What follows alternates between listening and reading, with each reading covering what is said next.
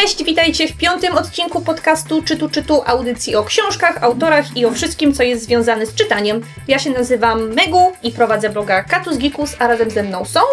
E, Kasia Czajka, ja prowadzę bloga Zwierz Popkulturalny, a także podcast Zombie vs. Zwierz. I Ocia. Ocia tu po prostu jest. Moje drogie, zaczniemy dzisiaj od naszego standardowego segmentu, czyli będziemy z pasją i z emocjami opowiadać o tym, co aktualnie czytamy i nosimy w torebkach. Kasia, wyglądasz jakbyś nosiła w niej wielką cegłę. Tak. Noszę w mojej torebce, ponieważ ja już Was uprzedzałam tydzień temu, że ja będę nudna i będę mówiła w, w ciągu najbliższych tygodni prawie wyłącznie o książkach górskich. Tak. E, Na dole są timecody, Skończyłam. możecie przewijać. skończyłam jeszcze czytać książkę o kukuczce, w związku z tym zaczęłam czytać książkę o e, Wancie Rutkiewicz, autorstwa Anny Kamińskiej. Wszyscy mi ją bardzo polecali, że to jest świetna biografia, została wydana przez wydawnictwo literackie. I muszę powiedzieć, że chwilowo jestem w połowie i jestem zawiedziona. Żebyście zrozumieli, ja zaczęłam czytać tą książkę, jak jechałam pociągiem, w którym nie było prądu i czytałam ją przy świetle komórki. I przeczytałam e, ponad 100 stron przy świetle komórki, e, co nie jest proste, bo komórka mi upada z rąk. W każdym razie ją się szybko czyta, to prawda, zwłaszcza, że są duże marginesy. Natomiast przeczytałam 200 stron książki, która ma stron 460.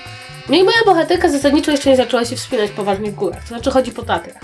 Wiemy, że to lubi, ale zdecydowanie więcej wiemy o jej życiu uczuciowym, o jej rodzicach. O tym, że każdy człowiek, z którym rozmawia autorka, ma do powiedzenia, że Wanda Rutkiewicz była bardzo ładna i faceci się nią interesowali była bardzo zgrabna, ale miała taki dziwny charakter, że nie umiała dobrze te, tego zainteresowania facetów na siebie skierować. I ogólnie czytam non-stop o, o jakichś romansach, o jakichś związkach. Jak zestawiam to z biografią Kukuczki, u którego się dowiedziałam, kim byli jego rodzice, że spotkał dziewczynę, że wzięli ślub, że on tam ma jakieś dzieci w ogóle w tle, a głównie się wspina. Tutaj, zanim w ogóle bohaterka, nie wiem, ma prawo się zacząć wspinać w jakieś wyższe góry, to ja muszę się dowiedzieć absolutnie totalnie wszystkiego życiu uczuciowym. Ja bardzo przepraszam, ale mnie kurwa nie obchodzi życie uczuciowe Wandy Rutkiewicz, bo to nie było najważniejsze w tym, co narobiła. Oczywiście, jestem ciekawa trochę o tym, jaka była jej psychika, ale nie jestem ciekawa, jakie miała stopnie w szkole podstawowej. Dlaczego nie jestem ciekawa? Dlatego, że to bardzo słabo wpływa na historię o niej jako o himalaistce. Ja przede wszystkim interesuje mnie, oczywiście interesuje mnie jej charakter, ale to, że ona, nie wiem, pokłóciła się z jakimś facetem, a potem poszła z nim na kolację i była dla niego miła, ale jednak z nim zerwała, a potem następnego dnia na peronie była dla niego super miła i potem się z nim rozstała. Jakby, co, co, jakby, co, gdzie tutaj jest w ogóle historia Wielkiej Himalajski?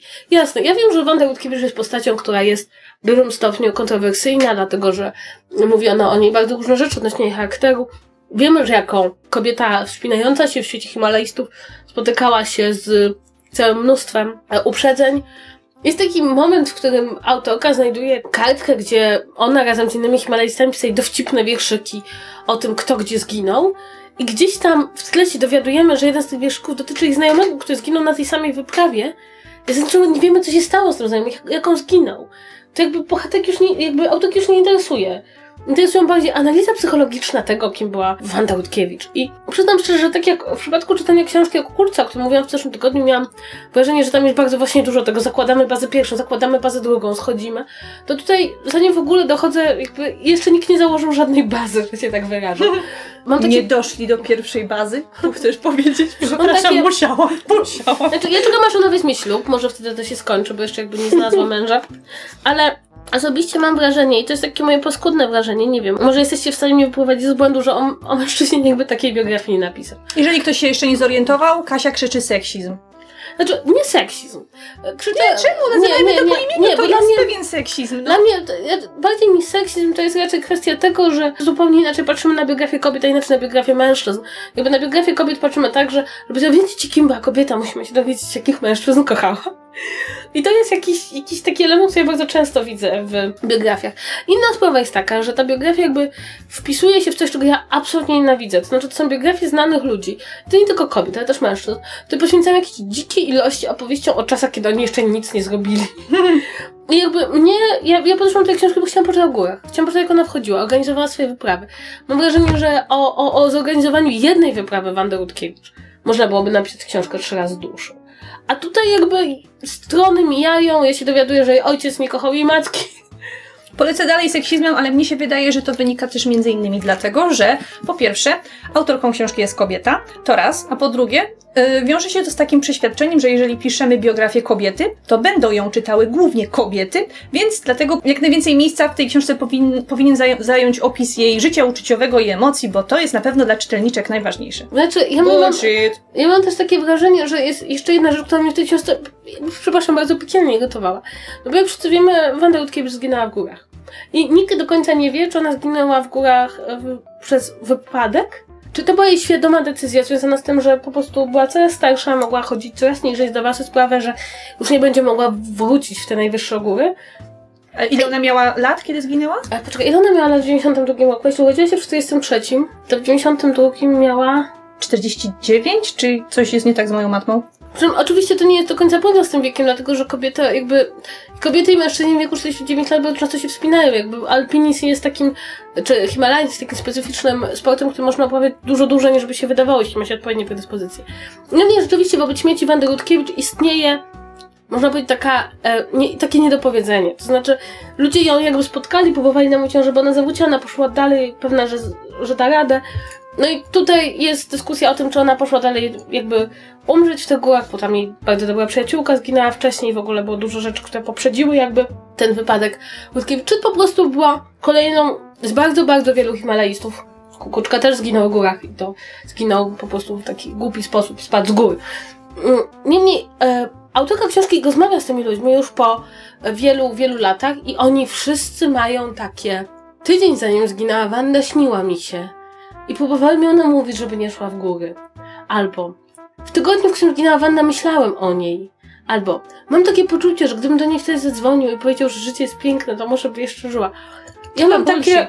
Jasne, ludzie tak mają, że bardzo często mają takie wrażenie, że mieli przeczucie, że mogli coś zrobić. I to może jeden czy dwa razy w każdej tak, tego typu książce daje takie poczucie, że ludzie wokół niej czuli, może coś jest nie tak, ale kiedy się powtarza więcej niż raz, to człowiek ma wrażenie, że wszyscy po prostu by niemalże szy- pobiegliby na tą Kanczenczongę, żeby ją... Znieść. Jaką górę? Jaką górę jeszcze raz? Ona się Kanczenczonga nazywa. Możesz powiedzieć trzy razy, ale szybko? E, żeby ją z tej góry znieść, więc e, i, e, no i nie przeczytałam książki do końca, więc nie, nie wydam jednoznacznej oceny, ale jestem, powiem szczerze, zawiedziona tym, jak dużo miejsca w tej książce poświęcono rzeczom, które nie są z górami związane, bo jestem takim surowym czytelnikiem i jak ktoś mi mówi, że to jest książka o, o ludziach, którzy chodzą po górach, to ja chcę, ja chcę Himalaje, ja chcę ludzi, którzy spadają, ja chcę, ja chcę zakładanie poręczówek, ja chcę rozbijanie kolejnych baz, ja chcę ludzi, którzy muszą się zastanowić, czy będą nocowali powyżej 8000 metrów, gdzie właściwie nie da się przeżyć. Ja chcę odmrożeń, ja chcę tego wszystkiego, co jakby jest elementami życia himalaisty, czego ja nigdy sama w życiu nie doświadczę, o czym chciałabym się dowiedzieć więcej i chciałabym się właśnie dowiedzieć o tych ludziach w tych warunkach, bo to, co oni byli w warunkach, które ja znam, to mnie nie interesuje. Ale chciałabym wiedzieć właśnie, co oni byli tam w tych górach i co ich tam pchało i chciałabym jak najwięcej wiedzieć, kim w ogóle jest człowiek, który chodzi w takie góry. I mam wrażenie, że to, że lubi chłopaków, których nie może mieć, jakby nie jest, nie jest tą cechą. No mam, jestem jeszcze ciekawa, bo chwilowo jeszcze nie, nie natrafiłam o wzmianki o olbrzymim seksizmie w, w świecie himalaistów, który istnieje i mieliśmy nawet niedawno e, dosyć paskudny przykład. O, W Polsce. ja nie znam historii. Co się stało? Co się stało? E, bodajże w zeszłym tygodniu, znaczy dwa tygodnie temu w waszym przypadku, przy konferencji prasowej, gdzie zadano pytanie, dlaczego w nowej wyprawie e, himalajskiej organizowanej Pol- przez Polaków nie ma jednej kobiety, p- p- wyprawy powiedział, że no była jedna himalaistka, no ale jedna kobieta na 10 chłopa to by nie obsłużyła, czy coś takiego, to za mało, czy jakby to wyglądało. Co? Tak, e, i e, ta himalajska i dwóch innych himalajstów wyszli z sali po prostu. No i to pokazuje, że jakby nawet na najwyższych stopniach, nawet w 2017 roku, seksizm wśród e, z tych środowisk wysokogórskich, że się tak wyrażę, jest olbrzymi. No i muszę powiedzieć, że jestem bardzo ciekawa, już tak na sam koniec, na sam koniec, e, tego, że niedługo wychodzi książka himalaistki, o polskich himalaistkach. Taka szeroka. I prawdopodobnie też ją przeczytam i prawdopodobnie będziecie mieli absolutnie dosyć książek o górach. Będziecie ekspertami od himalaizmu, zobaczycie. Tak, razem ze mną. No więc ja jestem do tej Wandy Rutkiewicz już po przeczytaniu połowy bardzo sceptycznie nastawiona. Jeśli książka ma lepszą drugą połowę, to powiem o tym w następnym odcinku, żeby być uczciwym czytelnikiem. Dobrze. A skoro mówimy o seksizmie, a skoro mówimy o seksizmie, to ja poczytałam sobie tak. Nie poczytałam, a raczej posłuchałam. Zakupiłam legalnie audiobooka, natchnięta jednym z naszych poprzednich odcinków, w którym mówiliś, mówiłyśmy o pisarzach, którzy przejmują kobiece pseudonimy, żeby sprzedawać literaturę domestic filler i przeczytałam lokatorkę J.P. Delaneya, czyli tą książkę, która była bardzo mocno ostatnio reklamowana. I och jej, jak jestem rozczarowana. Och jej, jak mi się nie podobało. Och jej, jaki seksizm. I och jej, jak bardzo widać, że napisał to facet, który podszywał się pod kobietę. A więc, o co chodzi? Książka opowiada historię dwóch kobiet, które mieszkają w tym samym apartamencie. Jedna już nie żyje, ponieważ to są dwie linie czasowe. Wiemy, że jedna bohaterka już nie żyje i że druga wprowadziła się do tego mieszkania tak jakby na jej miejsce. To w ogóle nie jest mieszkanie, tylko to jest ogromny dom stworzony przez jakiegoś niemal szalonego architekta, który każdą osobę, która się do niego wprowadza, zmusza, żeby wypełniała konkretne zapisy umowy. To znaczy, nie może przynieść żadnych własnych rzeczy, nie może przynieść żadnych mebli, nie może nic w tym mieszkaniu zmieniać. A czekaj, żadnych własnych rzeczy? Znaczy co, ubrań na przykład nawet? Czy... Musi ograniczyć do minimum wszystkie swoje przedmioty, które wniesie do tego domu w ramach przeprowadzki. To jest jakiś dom wielkiego brata? Troszeczkę tak, ponieważ tam oczywiście jest mnóstwo kamer i mnóstwo nadzoru. Jest tam taki elektroniczny gospodarz, który ciągle sprawdza, czy na przykład lokatorzy są zdrowi, mierzy tam różne para ich parametry życiowe, tak. Obie bohaterki mają za sobą jakąś traumę. Pierwsza została parę tygodni wcześniej zaatakowana we własnym mieszkaniu i steroryzowana przez, przez napastników steroryzowana nożem. Dlatego, kiedy sprowadza się do tego mieszkania razem ze swoim chłopakiem, to zależy jej bardzo na tym, żeby było bardzo bezpiecznie i ma taką paranoję na tym punkcie. Druga, ta, która w teraźniejszości wprowadza się do tego mieszkania, niedawno straciła bardzo zaawansowaną ciążę. Więc musi jakoś tę traumę odreagować. I na pewnym etapie fabuły obie te bohaterki zaczynają wchodzić w relacje z architektem, który stworzył to mieszkanie który Który jest. też tam mieszka? On tam nie mieszka, ale one mają jakiś kontakt z nim, on sam ten kontakt nawiązuje. On w ogóle na początku dostaje ich zdjęcia, bo żeby zamieszkać w tym e, domu, trzeba przejść e, casting i wypełnić jakąś ogromną ankietę. Okej, czy to jest jakiś seks biznes? Bo to wszystko tak brzmi. Słuchaj, to jest książka ewidentnie napisana na fali popularności i Greya, i Zaginionej Dziewczyny, ponieważ łączy w sobie elementy tego takiego thrillera, który ma niby badać kobiecą psychikę. Oczywiście tego nie robi, tam po prostu są tylko dwie kobiety i na tym się kończy kobiecość tej książki, a jednocześnie po prostu one zaczynają sypiać z tym facetem i jedna i druga tam w swoich, w swoich czasach i to jest seks Mimo, oczywiście... że jedna ma chłopaka i mieszka z tym chłopakiem. Tak, ona w pewnym momencie się z nim rozstaje. To jest oczywiście seks bardzo brutalny i ten facet jest taki wyrafinowany, a jednocześnie bardzo dziwny. Typu zabiera je obie do japońskiej restauracji, w której mogą jeść żywe rybki. Zabiera je do jakichś pięknych kościołów, w których opowiada o tej architekturze i on jest takim po prostu zapalonym architektem i uważa, że nikt go nie rozumie. Czy ma helikopter? Och, nie ma helikoptera, ale mój Boże, mój Boże, ta książka jest tak zła. Po, po prostu te obie bohaterki są tak durne, że nie. Y, Mając wszy, wszystkie przesłanki na talerzu na temat tego, że facet jest szurnięty, nie potrafią tego dostrzec. Obie chodzą do tej samej terapeutki, która im mówi: uważajcie na tego faceta, a one oczywiście mówią, że go kochają i że ona im nie będzie mówiła, co one mają robić, więc ciągle takie są utrzymują. kobiety. Jeśli utrzym- spotykają faceta, który każe im jeść żywe rybki, to od razu po nich, prawda? Wszystkie wiemy. Pierwszym poważnym błędem tej książki jest to, że po prostu fabuła jest wtórna i ewidentnie jest inspirowana aktualnymi trendami na rynku wydawniczym, które e, wydawcy próbują nam na siłę wcisnąć do gardła. Problem drugi jest taki, że w pewnym momencie autor zaczyna się bawić motywami przemocy wobec kobiet i gwałtu. I robi to w taki okropny sposób, że miałam ochotę. Nie mogłam rzucić książką o ścianę, ponieważ to był audiobook, a szkoda mi telefonu, ale wystarczy powiedzieć, że byłam tym okropnie zdenerwowana, ponieważ w pewnym momencie pojawia się w książce motyw gwałtu. Jedna z bohaterek została zgwałcona. I jej chłopak się za to na nią obraża, bo mu nie powiedziała. I ona go za to przeprasza, że mu nie powiedziała, że została zgwałcona, bo się, bo się wstydziła. I no był to dla niej pewnego rodzaju problem, powiedzmy. I, i, I po prostu, jeżeli widzisz, że autor legitymizuje w pewien sposób tego rodzaju patologiczne zachowania, to ja może jestem uprzedzona od samego początku do niego, ponieważ wiem, że próbuje udawać kobietę na okładce swojej książki, to kurczę, no nie robi się tak, dlatego nie potrafiłam do samego końca, a jeszcze nie skończyłam, e, jeszcze nie skończyłam tego słuchać, nie potrafiłam do samego końca podejść do tej książki na poważnie i w jaki sposób, w jakikolwiek sposób jej docenić, bo jest naprawdę słaba Nie masz wrażenia, że w ogóle ostatnio, przepraszam bardzo, ale w historii o kobietach coś takie. Albo ta kobieta była zgwałcona kiedyś w przyszłości, albo molestowana, albo straciła ciążę. Jakby istniała bardzo wąski zakres rzeczy, które mogły spotkać kobiety w jej życiu, które były dla niej nieprzyjemne i niedobre i nastawiły negatywnie do świata. I one wszystkie są mniej więcej, zamykają się zwykle w tych trzech motywach. To znaczy jakby Możemy sobie wyobrazić mnóstwo innych nieprzyjemnych rzeczy, które spotykają kobietę w życiu, które sprawiają, że nie wiem, zaczyna się bać innych, czy, czy chciałaby mieszkać w super ekstra bezpiecznym domu, ale te trzy mam wrażenie ostatnio są takim hiciorem, prawda, że... Wiesz, może gdyby za książkę o tej samej fabule za jej pisanie zabrała się kobieta, dostrzegłaby, że tutaj wachlarz dostępnych problemów dla kobiet jest trochę szerszy niż te trzy opcje. Niestety tego nie zrobiła.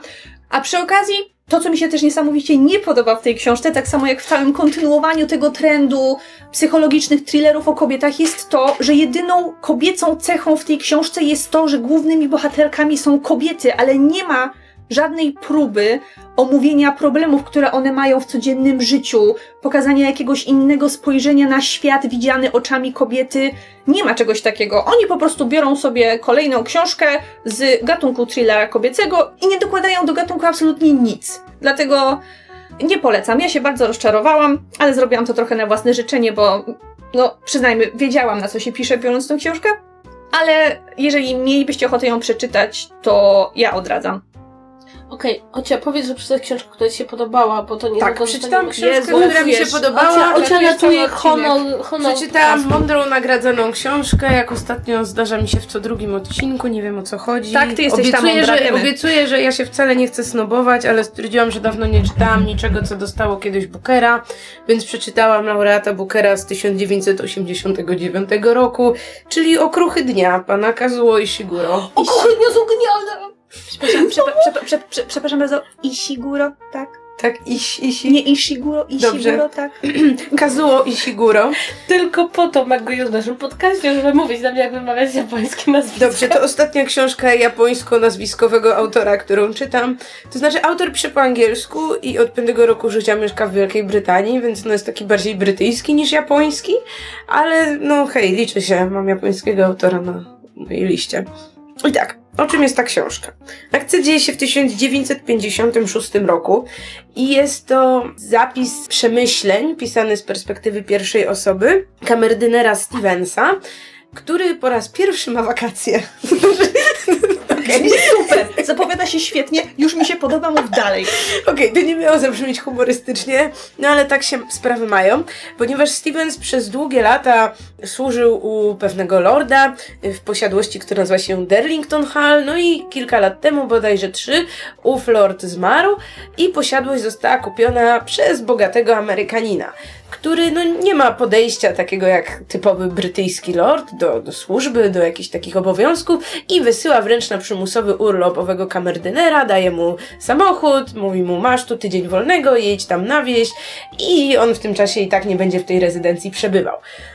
Stevens jest takim bohaterem dawnych czasów, bardzo takim skostniałym, przywiązanym aż nadmiernie do tradycji i przez cały ten wyjazd on wspomina w niechronologicznej kolejności, jak to służył właśnie swojemu poprzedniemu lordowi, jak mu się pracuje z obecnym chlebodawcą, a także wspomina niejaką pannę Kinton, która była przez długie lata gospodynią w tejże posiadłości, y, czyli jakby opiekowała się całym tym żeńskim personelem, wszystkimi pokojówkami, jakby tak odpowiadała za dom. No on z kolei jako ten kamerdyner też takiego najwyższego szczebla odpowiadał za personel męski i jeśli oglądaliście Downton Abbey, to oni są trochę jak ta para Ja mam taki totalny dysonans poznawczy teraz, kiedy słucham o Japończyku, który napisał książkę o brytyjskiej arystokracji. To jest takie totalnie brytyjskie. Tak, to jest bardzo brytyjska książka. Chociaż to poczucie obowiązku tam jest takie międzykulturowe, mam wrażenie. Masz rację. Też, też mam wrażenie, że coś w tym jest. Tak, ponieważ Stevens jest osobą. No jeśli wy jesteście obowiązkowi, to on jest trzy razy bardziej. To znaczy, on całe swoje życie podporządkował służbie, podporządkował temu, że najważniejszy jest jego lord, najważniejszy jest jego dom i w żadnym działaniu on nie, mógł, nie mógłby splamić jakby dobrego imienia pana i domu i był gotów podporządkować jakiekolwiek własne potrzeby, własne poczucie szczęścia swojej służbie. I to jest bardzo przejmująca książka, w której on wspomina no, takie sy- sytuacje, które nam się wydają trochę niewyobrażalne. To znaczy wspomina na przykład relacje ze swoim ojcem, który również był kamerdynerem w tym domu, no ale już jakby z wiekiem, gdy podupadł na zdrowiu, był młodszym kamerdynerem, czyli takim mniej ważnym. I Stevens wspomina bardzo ważną kolację, kiedy musiał zajmować się gościem swego pana, a równocześnie kiedy jego ojciec y, przechodził zawał i w ostateczności zmarł. Kiedy on był taki rozdarty pomiędzy z jednej strony chęcią bycia przy ojcu w jego ostatnich chwilach, a z drugiej strony no musiał usługiwać i doszło do pewnych komplikacji z gościem, więc zdecydował się być tam jako ten, jako ten kamerdyner, a nie jako syn przy ojcu. Tak samo przejmująca jest jego relacja ze wspomnianą gospodynią, ponieważ to jest opisywane tak, że oni przez długie lata pogawędzali sobie przy kakale, tam wcz- wcześniej mieli jakieś tam tarcia, ale później ta ich relacja się ustabilizowała.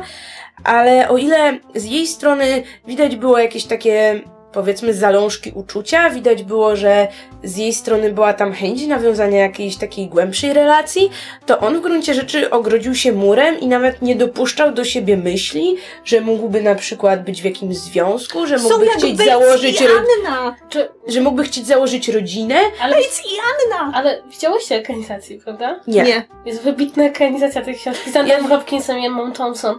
I jakby Bates i Anna i jakiekolwiek postacie z Downton Abbey, ja mam wrażenie, że oni tak zżynają po prostu z tego, jak Anthony Hopkins gra tą postać, a grają fenomenalnie, jak Emma Thompson gra swoją postać, więc jakby bardzo polecam, jakby po przeczytaniu książki, która jest fenomenalna. Ja uważam osobiście, że jest jednym z lepszych filmów o niewypowiedzianych uczuciach, bo tam to się głównie skupia film na i na jego obowiązkowości też jest wątek ojca, ale głównie skupia się właśnie na człowieku, który jest tak strasznie obudowany tym obowiązkiem, że nie dopuszcza do siebie osobistego szczęścia. No i jest to taki film, który, na którym się płacze po prostu, dlatego, że ludzie są tacy, tacy, tacy właśnie zamknięci w swojej własnej klatce, którą sami sobie stworzyli. No To jest, to jest ogólnie bardzo ciekawa książka, bo to jest z jednej strony taka gawenda, że niby nic się tam nie dzieje, tak? Tam się nie dzieją żadne wielkie rzeczy. Tam się dzieje bardzo dużo małych, znaczących rzeczy. Wydaje mi się, że najbardziej przyjmującym był w gruncie rzeczy wątek, nazwijmy to polityczny. To znaczy, Lord, dla którego pracował kamerdyner, sympatyzował z nazistowskimi Niemcami i przed wybuchem wojny, i, i w trakcie, i zapraszał do siebie gości, którzy byli e, prominentnymi Niemcami, próbował z nimi tam dogadywać się i tak dalej. I nasz kamerdyner jest taką postacią bezwzględnie lojalną wobec swojego pana i nawet w obliczu, nie wiem, konfrontacji z jakimiś innymi postaciami i innymi poglądami, on stoi murem za tym swoim chlebodawcą. On uważa, że skoro jego lord, osoba mądrzejsza, tak, takie ma poglądy, tak zdecydował, to on musi mieć rację. Jakby w ogóle nawet nie dopuszcza do siebie żadnych wątpliwości i dopiero jakby przypominając sobie te różne wydarzenia z tej perspektywy czasu, dopiero zaczyna sobie uświadamiać, jak bardzo był zaślepiony tym wszystkim, ile rzeczy mu przepadło przez to. I no, bardzo tak rusza ta książka. Tak, zwłaszcza, że to jest takie życie, jakby ta, taka absolutna realność i życie całe w służbie człowiekowi, który absolutnie na to nie zasługiwał. I nawet możemy się domyśleć, że nie dostrzegał tego, jak, jak, jak, wiele, jak wiele ten kamerdyner dla niego poświęcił. Może wtedy sam dałby mu urlop. Natomiast tak, natomiast jest to też ciekawa książka już a propos, a propos takiej, tej kwestii historycznej, to jest to, że jakby e, ten element fascynacji części brytyjskiej arystokracji nazizmem i w ogóle sympatyzowanie z nazizmem przez część brytyjskiej arystokracji wcale nie było tak często przywoływane przez Anglików. I właśnie tą książkę uznali się za jedną z takich, która mm, w ostatnich latach, no to jest lata 80., przypomniała trochę Anglikom, że, że ci arystokraci jak najbardziej nie, wcale nie byli tacy, że nie poddamy się, będziemy walczyć na wszystkich plażach i, i na wszystkich polach bitew, przeciwnie, tam byli tacy, którzy bardzo z Hitlerem sympatyzowali. No, zwłaszcza to i były król przecież. No właśnie, no prawda, nie. Więc, więc jakby y, to jest bardzo też ciekawy wątek pod tym względem i dlatego też mi się wydaje, że ta książka, pomijając fakt, że dla mnie ta obowiązkowość e, tego kamerdynera jednak ma w sobie coś japońskiego, to jeszcze ta jego zewnętrzna perspektywa autora, który jakby nie bał się poruszyć tego wątku i pokazać właśnie, że ten jego lord to nie był może najlepszy lord na świecie, ale to też wydaje mi się było łatwiejsze do napisania z zewnętrznej perspektywy, więc to niby, jak, jak się myśli o Downton Abbey, to to jest właśnie taki, dla mnie przynajmniej to jest takie właśnie pokazanie, ej, a słuchajcie, a wyobraźmy sobie teraz jak naprawdę złą rzeczą byłaby taka absolutna lojalność służby względem państwa, jak to sobie Followers wyobraża, bo autor Downton Abbey jest e, z arystokracji. Jest lordem, tak. Jest lordem i on sobie robi taką fantazję, w której arystokracja jest fajna, a służba ją kocha. Fakty historyczne mówiły zupełnie co innego. E, Ocia w w zeszłym tygodniu, nie, nie w zeszłym tygodniu, dwa tygodnie temu omawiała książkę Fellowsa, nie słyszałaś? Nie, ale jakby ja mam, ja, mam, ja mam wielki problem z, z tym autorem i z jego wizją relacji służby i arystokracji, ale może nie wchodźmy w to głębiej po prostu. Czy tak, bo tam jest generalnie albo kochasz super swoich państwa, albo jesteś tym złym, knującym służącym, który po prostu chce pozabijać ich dzieci. Tak, natomiast właśnie wydaje mi się, że kuchydnia dobrze pokazują, jak osoba, która służy drugiej osobie, bez, bezwzględnie ile ona sama w życiu traci. I, no i, i zgadzam się z tobą, że to jest bardzo przejmująca książka i naprawdę jeśli nie czytaliście, to bardzo polecam ile które ekranizacje, bo to jest jeden z nielicznych przypadków, kiedy są dwa wybitne dzieła i to każdy trochę na własny sposób. No, dzięki Ocie, że przeczytałeś tą książkę. tak, więc ja jak najbardziej polecam. Wydaje mi się, że warto właśnie od czasu do czasu spróbować sięgnąć po znowu książkę, która dostaje jedną z ciekawszych nagród, bo Booker to jest ta najważniejsza nagroda przyznawana w Wielkiej Brytanii, gdzie pod uwagę brane są wszystkie książki wydane w Wielkiej Brytanii w danym roku, napisane po angielsku. I to jest chyba moja trzecia, którą czytam i jak na razie na żadnej się nie zawiodłam. Tak więc polecam. Super. I to był koniec naszego segmentu pod tytułem Co mamy w torebce. W zeszłym tygodniu miałyśmy dla Was książkę, a w tym tygodniu wracamy do tematów bardziej publicystycznych, bo zdecydowałyśmy, że porozmawiamy sobie o tym, czym jest motyw Mary Sue. I kim jest ten rodzaj postaci, na czym polega całe zjawisko i co nam się w tym zjawisku nie podoba. Zacznijmy od tego, skąd się wziął tytuł. Tak. Czy wszystkie mamy tą samą wersję? Tak. Jak To znaczy- 1973? No właśnie, Ja były 72. rozbieżności co do roku, sprawdzałam w kilku źródłach i waha się to między 1972 a 4. Były Więc- lata 70. Tak, więc były lata 70. i był fanfic, opowiadanie niejakiej Polly Smith pod tytułem A Trekkie Tale, które było taką parodią, satyrą na serial Star Trek. I główną bohaterką tegoż opowiadania była 15-letnia oficer floty, Mary Sue, która była oczywiście najzdolniejsza, najpiękniejsza, ratowała wszystkich z opresji, dostała pokojową nagrodę Nobla. Jak Obama. Na zachętę! Wszyscy się w niej kochali i generalnie była taką, taką podniesioną do potęgi bohaterką dowolnego fanfiction. Z jej imienia wywodzimy właśnie termin Mary Sue, którym określamy taką bohaterkę, której nie ima się żadna realistyczna charakterystyka. To znaczy posiada ona nadmiar cech wszelakich. Oczywiście no jest przepiękna. Zazwyczaj ma jakiś niewiarygodnie egzotyczny kolor włosów, bądź kolor oczu, bądź jedno i drugie. Albo egzotyczne imię. Tak, albo jeśli to jest jakieś fantazy, to na przykład ma jakiś taki atrybut, którego nikt inny nie ma. Na przykład ma ogon, albo ma kocie uszy, ale zazwyczaj jest to coś, co ma uchodzić za atrakcyjne. Ja nie wiem w jakich kręgach uszy albo ogon koci uchodzą za atrakcyjne. Znaczy Kocich. wiem, wiem, ale nie będziemy o nich mówić. Prócz tego z reguły jest zazwyczaj młoda i jak na ten swój wiek właśnie ma nadmierne kompetencje, typu mimo, że jest nastolatką, to była jakaś niesamowicie zdolna i pokończyła już wszystkie możliwe szkoły, albo jeśli tam jest w szkole, to najlepiej się uczy. Jeśli to jest jakiś fantazyland, to oczywiście ma wszelkie możliwe umiejętności, czyli najpiękniej gra na harfie, najlepiej bije się na miecze, super jeździ konno i po prostu z zawiązanymi oczami tańczy na linie. Tak więc y, jak, w jakie by nie wpadła tarapaty, umie się z nich wydostać, a jednocześnie wszelkie inne postaci jakby tak orbitują wokół niej. Ona jest taką centralną gwiazdą, że na, na wszystkich wywiera wpływ, wszyscy się jej słuchają, jest niesłychanie charyzmatyczna. O, Każdy ją nie. lubi, a jeśli ktoś jej nie lubi, to jest tym złym, jest wrednym bucem, więc jeśli postać ma być przedstawiona pozytywnie, to oczywiście pod wpływem i pod urokiem naszej bohaterki, no i oczywiście wszyscy na nią lecą.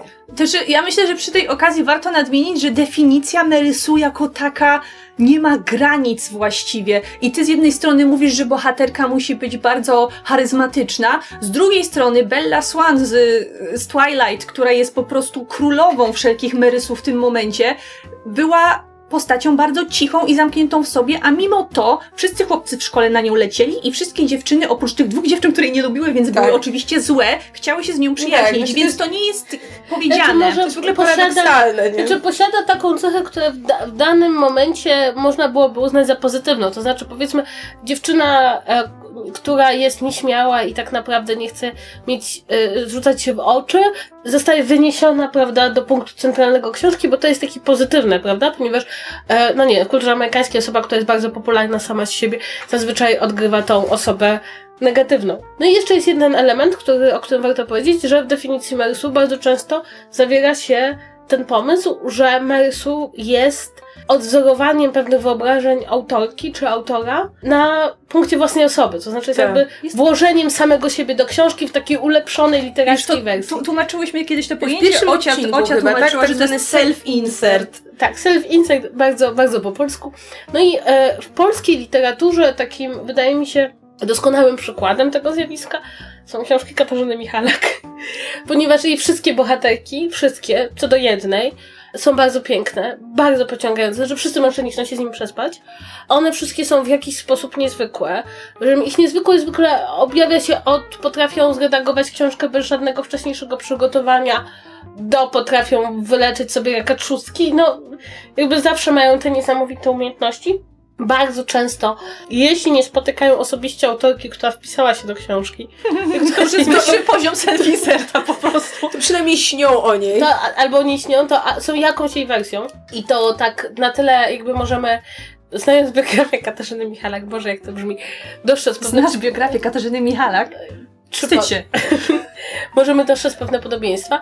No, Przede wszystkim jakby e, cechą, która je wszystkie łączy i która wydaje mi się, że jest bardzo wyraźna dla Marysu, to tak naprawdę nie są postacie. To nie są postacie, które mają jakią, jakiś charakter, jakąś, możemy powiedzieć coś o nich, że nie wiem, w takiej sytuacji zachowałby się tak i tak, tylko to są takie pewne zbiory cech i rozwiązanie ich zachowań zawsze jest mniej więcej takie same, nawet jeśli się pozornie wydaje złe, to tak naprawdę jest dobre, nawet jeśli one nie wierzą w siebie, że posiadają jakąś umiejętność, to się okazuje, że tą umiejętność posiadają. Jest głębokie przekonanie, że są niezwykłe i niesamowite nawet jak tego nie widzą, to się szybko okazuje, że są niezwykłe i niesamowite. I y, czytanie książek z takimi postaciami, czy książek, czy właściwie należałoby tutaj głośno powiedzieć fanfiction głównie, Tak. i bywa e, odrobinę irytujące, ponieważ to nie są postacie, które mogłyby nas czymkolwiek zaskoczyć. Bo ich charakter jest niespójny. To znaczy, tak jak mówicie, wspomniałyście na przykład, że czasami te bohaterki są takimi cichymi myszami, ale mimo to na przykład tłumy za nimi idą. Czy na przykład dowiadujemy się od autora, autor nam pisze wprost, że bohaterka ma taką i taką cechę, a potem ta postać zachowuje się zupełnie wbrew temu, co nam napisano, albo przejawia różne aspekty osobowości równocześnie. I już na samym etapie charakterystyki czasem jest powiedziane, że ta postać jest taka, ale równocześnie taka, czyli właśnie równocześnie jest nieśmiała i przebojowa, równocześnie jest, nie wiem, właśnie jakaś taka wątpiąca w siebie, ale kiedy trzeba, to nagle się okazuje, że jednak jest przekonana o własnej wartości.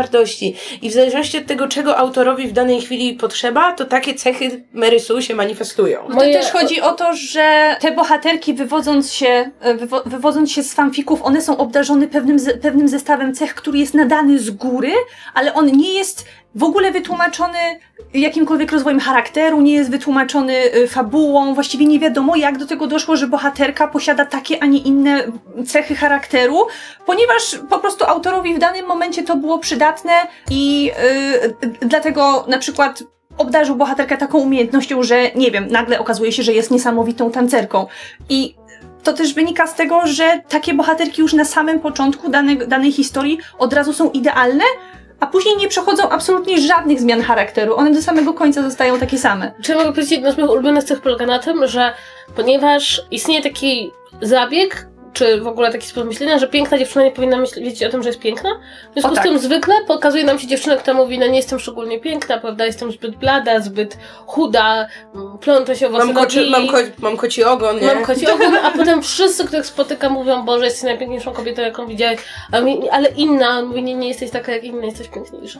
E, Przykład Bella. No i Tak, e, ona tam nawet najpiękniej pachniała i w ogóle jej krew byłaby najsmaczniejsza, gdyby ktoś No i jej spróbować. To jest rzecz, o której wszyscy możemy się zgodzić, że czyta się ksią- książki czy fanfiki, w których pojawia się taka postać z pewną trudnością, prawda? Jest ten, tą ma- naj- najsławniejszą jest bohaterka fanfika My Immortal, najsławniejszego złego fanfika w historii. Jeżeli ktoś nie wie, to jest, bo ja w jest My Immortal, nie czytałam tego. My, My Immortal to jest okropny fanfic e, napisany w świecie Harry'ego Pottera, w którym oczywiście bohaterka jest gotką. Masz tam mnóstwo scen opisujących, jak ona ubiera się rano i schodzi na śniadanie, próbuje wyrwać Draco Malfoya, z którym w pewnym momencie przelizuje się gdzieś tam w szafie, czy Bóg wie gdzie.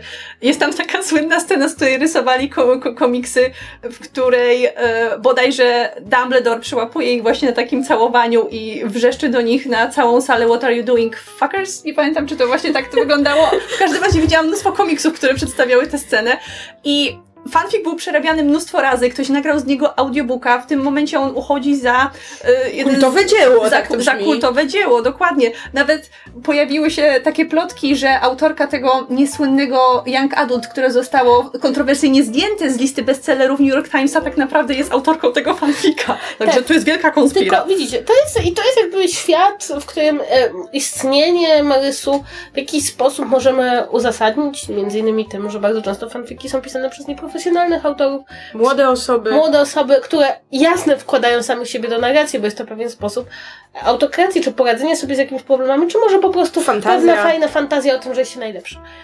E, problem z Marysu są dwa i jeden jest taki, kiedy te postacie pojawiają się w książkach wydawanych przez poważne wydawnictwa jako normalną literaturę, bo to znaczy, że są po prostu źle napisane. Ale drugi, dużo ważniejszy problem jest taki, że ludzie nie rozumieją, jak działa to pojęcie. Ponieważ bardzo często określenie Marysu zostaje użyte w przypadku postaci, której się pewne rzeczy udają. Która jest kompetentna Która w jest kompetentna. dziedzinie i jest kobietą. Dla mnie na przykład y, zaskakującym przykładem było uznanie za Marysu Anię Zielonego Wzgórza. Ania Zielonego Wzgórza jest opowieścią o rzeczywiście młodej dziewczynce, która zostaje adoptowana, uczy się życia w nowym środowisku, no i jest to powieść pozytywna, gdzie tej dziewczynce się dużo rzeczy udaje, udaje się zaprzyjaźnić, po drodze popełnia mnóstwo gaf i błędów. Problem polega na tym, że jest to powieść młodzieżowa z edukacyjnym przesłaniem. Bohaterka nie jest pozbawiona wad, uczy się na, na, w kolejnych powieściach, ale także w ciągu jednej powieści przechodzi przemianę. Dowiaduje się, że jej osądy o innych ludziach, a także osądy innych ludzi o niej nie były właściwe.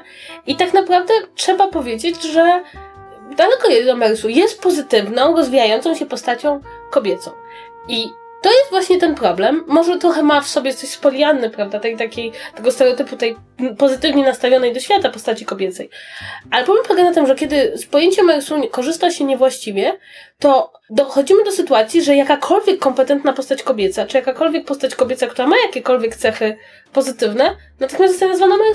To ja ci teraz powiem do, jeszcze- lepszy dowcip niż ten o Ani z Zielonego Wzgórza. Mianowicie przygotowując się do tego odcinka, zaczęłam y, szukać takich list, typu wiecie, tam Marysów w literaturze, tam top 10 i tak dalej. I na przykład na takich listach, wyglądających nawet dość, dość legitnie, znalazłam Elizabeth Bennet z Dumy Uprzedzenia, której chyba tak daleko do Marysu, no bo zaczynamy od postaci, która, tak, która myli się w swoim osądzie, która właśnie nie jest jakąś nieumylną, idealną istotą i która z tego powodu dostaje po nosie w jakimś momencie. I ktoś uznał ją za Marysu, no nie wiem, bo była mądra, ona nawet nie była szczególnie piękna. Problem polegał na tym, że była kobietą, bo niestety w pewnym momencie Merysu, pojęcie Merysu stało się takim wytrychem nie tylko dla osób, które nie lubią tej postaci, ale po prostu no, dla facetów, którzy nie lubią, jak główną bohaterką książki jest kobieta. A wtedy najłatwiej jest ją zdyskredytować, nazywając ją Merysu i mówiąc, że nie nadaje się na bohaterkę. To znaczy, jakby myśmy tutaj rozmawiali z mojego przed rozpoczęciem odcinka, że to niesłychanie dobrze widać w przypadku kultury popularnej, to niestety nie z książkami, więc najlepszy przykład ostatnich lat to są Gwiezdne Wojny, gdzie główna bohaterka Przebudzenia Mocy Rey została nazwana powszechnie Marysu, kiedy, no, prawdę powiedziawszy, Rey moim zdaniem wykazuje jeszcze mniej cech Marysu niż Luke Skywalker.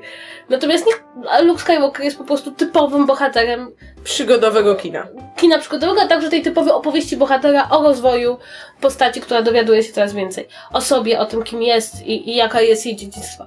I dla mnie to było po prostu niesamowite, kiedy się okazało, że możesz pokazać właściwie dwie identyczne postacie. W przypadku postaci męskiej rozumiemy, że istnieje pewien kanon przedstawiania takich bohaterów, a w przypadku postaci kobiecej wchodzi ktoś i mówi Marysu.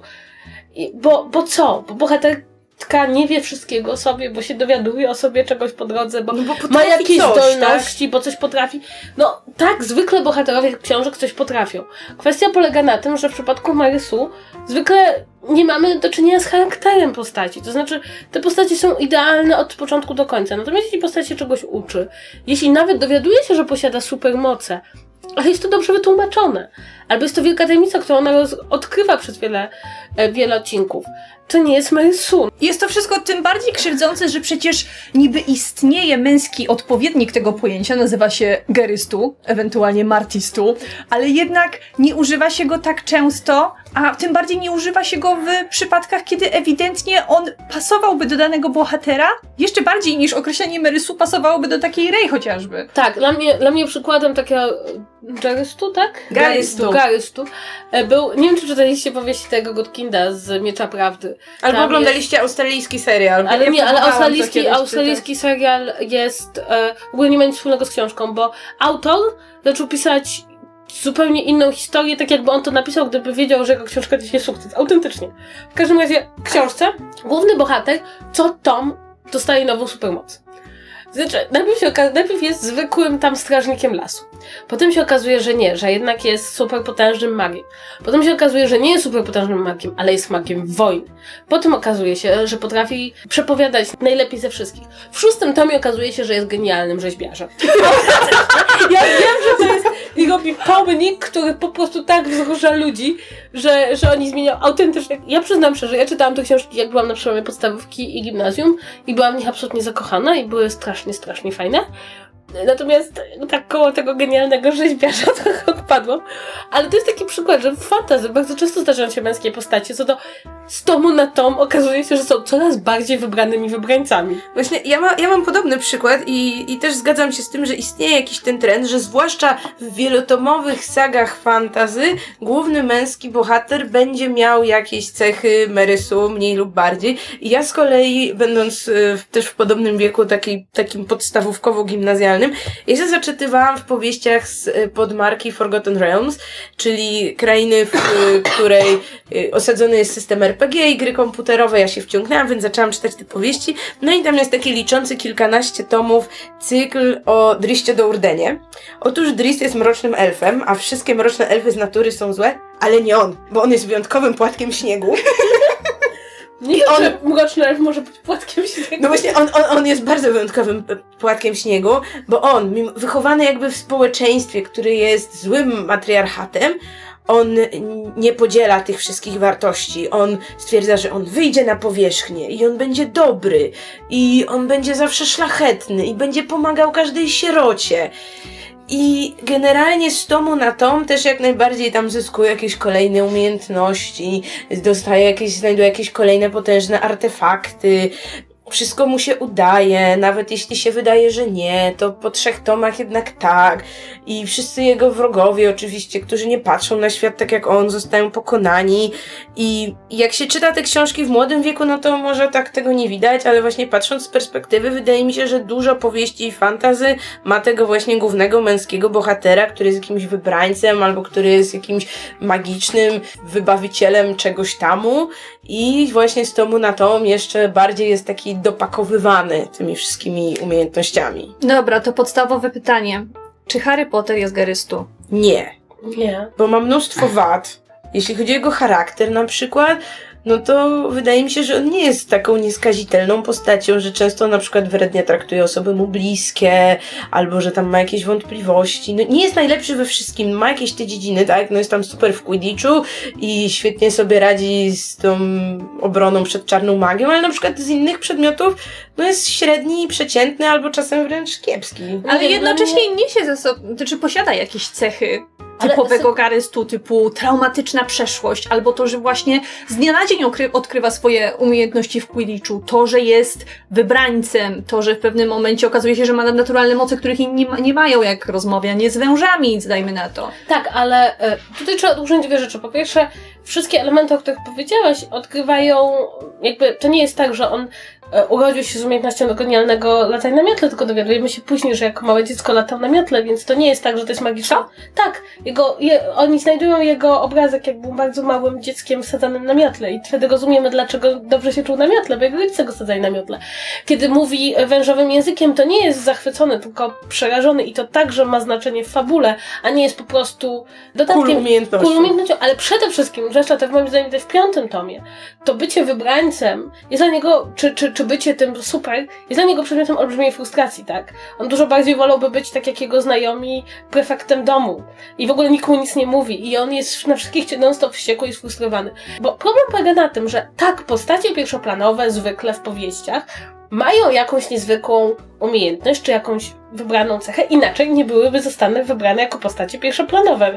Opowiada się o postaciach, które są z jakiegoś powodu inne, ciekawsze. Mają traumatyczną przeszłość, albo mają odegrać kluczową rolę. Historie o wybrańcach nie są zabronione w literaturze i nie ma w nich nic złego.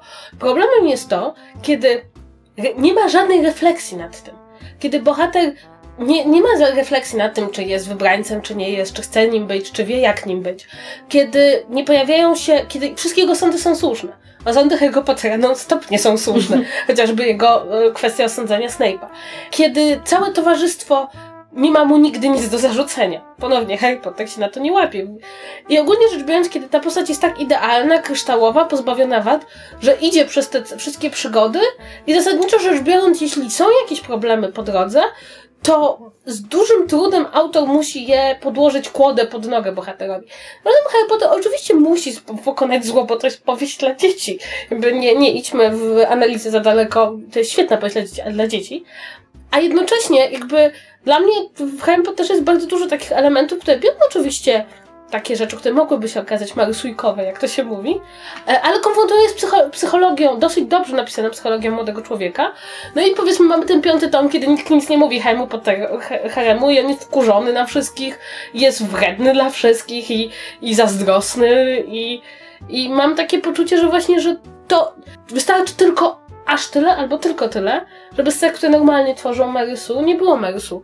I dlatego moim zdaniem w ogóle to jest tak niebezpieczne pojęcie we współczesnej krytyce książkowej czy literackiej, że Marysu to nie jest to, że musimy jest wybrańcem, czek Marysu, ma super zdolności, czek Marysu, bo to nie chodzi o te punkty, tylko jak one są przedstawione w fabule i jak autor i bohaterowie się do nich odnoszą. Bo to jest kwestia bardziej relacji autora z postacią, niż samych jednoznacznych cech postaci. Mhm.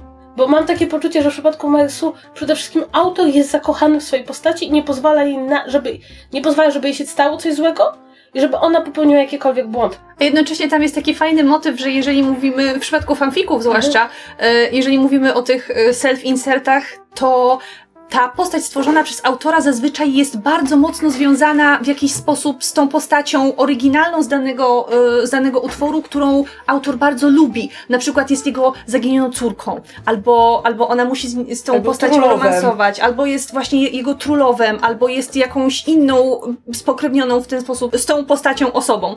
Ja chciałam tylko zaznaczyć, że moje e, pytanie było e, celowo prowokacyjne i Harry, jeżeli tego słuchasz, kocham cię, jesteś moją ulubioną książką, nie jesteś Krystą. Ale wiecie, co jest, co mi przychodzi jako pierwsze na myśl, kiedy myślę o Merysu?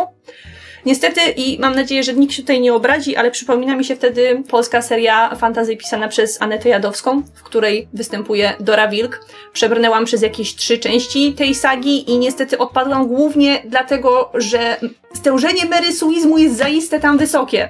Nie wiem, czytałyście którąkolwiek z tych książek? Nie, ale słyszałam o nich na tyle dużo, by wiedzieć, że nie są to książki dla mnie i podejrzewam, że właśnie z tych powodów, które zaraz omówisz. To znaczy... Ja czytałam jedną, w związku z tym nie, nie masz oglądu na, nie mam oglądu gradacji. gradacji, natomiast mi się tam Tołyn podobał, więc to, to mnie bardzo bawiło. Natomiast jakby rzeczywiście, jeśli bohaterce tam potem przebywa nowych umiejętności, rozumiem? Właśnie Torun jest, Torun jest super w tej książce i ogólnie seria nie jest taka zła, ale kreacja głównej bohaterki, która w pierwszym tomie jest e, bardzo zdolną wiedźmą, a potem w następnych tomach zaczynają przybywać nowe rasy stworzeń, między innymi wilkołaki, bodajże wampiry, przepraszam, bo nie pamiętam za dobrze, bo to już było parę lat temu. W każdym razie chodzi o to, że bohaterka z książki na książkę otrzymuje coraz to więcej nowych umiejętności i każda nowa postać jest w niej absolutnie zakochana. Nawet te postaci, typu jakiś zły Bóg podziemi, który dla wszystkich jest okropny i wredny, albo Michał, Michał Archanioł, e, wszystkie postaci, które normalnie traktują wszystkich innych z góry i są nieprzyjemne, to na widok Dory Wilk się po prostu rozpuszczają i ona jest najlepszą przyjaciółką wszystkich postaci w tej książce, dlatego to było nie do zniesienia. I to, że ona w pewnym momencie staje się też jakimś wybrańcem i jakąś tam królową każdej nowej rasy, która się pojawia w książce, królową wampirów, królową wilkołaków, chuj wie co jeszcze, przepraszam. I to, to niestety musisz to wypipkać, musisz się nauczyć jak pipkać. Więc to jest niestety coś, co mnie strasznie Nowy tej, cel w życiu. To jest niestety coś, co mnie strasznie od tej serii odrzuciło. Ale myślę, że to jest w ogóle problem, jak już mówiliśmy z seriami, że każda, jakby tworzysz wybrańca, wybraniec ratuje świat. Co w następnym odcinku? Właśnie może trzeba podbijać stawkę za każdym razem, prawda? Natomiast jakby wydaje mi się, że powoli kończąc, e, wydaje mi się, że jedna z rzeczy, która dla mnie jest z tym pojęciem bardzo niepokojąca, to właśnie to jest to, że ona się coraz częściej pojawia, przynajmniej w takich, w takich kontekstach, jak ja to widzę, żeby zdyskredytować postacie kobiece. O tak, zdecydowanie. I jakby kompletnie w tym momencie mam wrażenie, że jeśli postać kobieca ja, musiałaby, musi spełnić jakieś zupełnie nie do spełnienia wymagania, bo musi być z jednej strony na tyle ciekawa, żeby o niej była ta historia, a z drugiej strony, jeśli będzie zbyt kompetentna, albo nie daj Boże, doprowadzi książkę do dobrego zakończenia, co bohaterowi męskiemu wolno, no to się od razu pojawia, o mój Boże, Marysu, Marysu, Marysu. Zastanawiam się, czy nie należałoby bardziej forsować jednak mimo wszystko tego, żeby zwracać uwagę właśnie po pierwsze na to, że Marysu jest jednak pojęciem bardzo mocno związaną z fanfikami i, i, i z tą specyficzną relacją autora i dzieła, a także bardzo związana z tym, że to jest jednak do pewnego stopnia personalizacja autora. Znaczy, że jeśli autor wymyśla sobie kompetentną postać, to oczywiście taka postać może być źle napisana, ale póki nie ma takiego emocjonalnego związku, Boże, to jestem ja, jestem taka piękna, śliczna i wspaniała i lepsza od tego, niż jestem w realnym życiu, to to niekoniecznie musi być Marysu. I mówię to nie dlatego, że uważam, że wszystkie postacie kobiece, które są kompetentne w kinie, serialach, książkach są dobrze napisane, ale dlatego, że po prostu mam wrażenie, że jest to jedno z tych pojęć, które ostatnim czasem służy głównie do tego, żeby każda postać kobieca była niewystarczająco dobra. Bo jeśli. Mhm. I, i, to, mnie, I to mnie trochę niepokoi, bo No i niestety nie da się tutaj znowu nie wrócić do tematu, który nie jest bezpośrednio związany z książkami, chociaż jeżeli przyjmiemy, że na podstawie przebudzenia mocy później napisano książkę, to jednak trochę się to łapie, ale no nie da się tutaj nie wracać do tego przykładu Rey, bo Rey to jest ten, to jest y, ta postać, która rozszerzyła w ostatnich latach pojęcie Merysu na wszystkie inne dzieła popkultury poza książkami. I ja jestem za tym, żeby jednak Merysu trzymać w ryzach fanfików i trzymać w ryzach opków, a jeżeli ktoś uważa, że Rey jest Merysu, to dla mnie jest to bardzo mocno związane z tym, że panowie czują się ogromnie zagrożeni tym, że w takiej ogromnej franczyzie jak Gwiezdne Wojny główną bohaterką została kobieta i z tego to się moim zdaniem niestety bierze. Także panowie, wrzućcie na luz. Nikt, nikt was nie chce zabić i nikt nie chce wam odebrać waszych ulubionych bohaterów, a kobiece bohaterki też są fajne. Tak, i też mogą być kompetentne.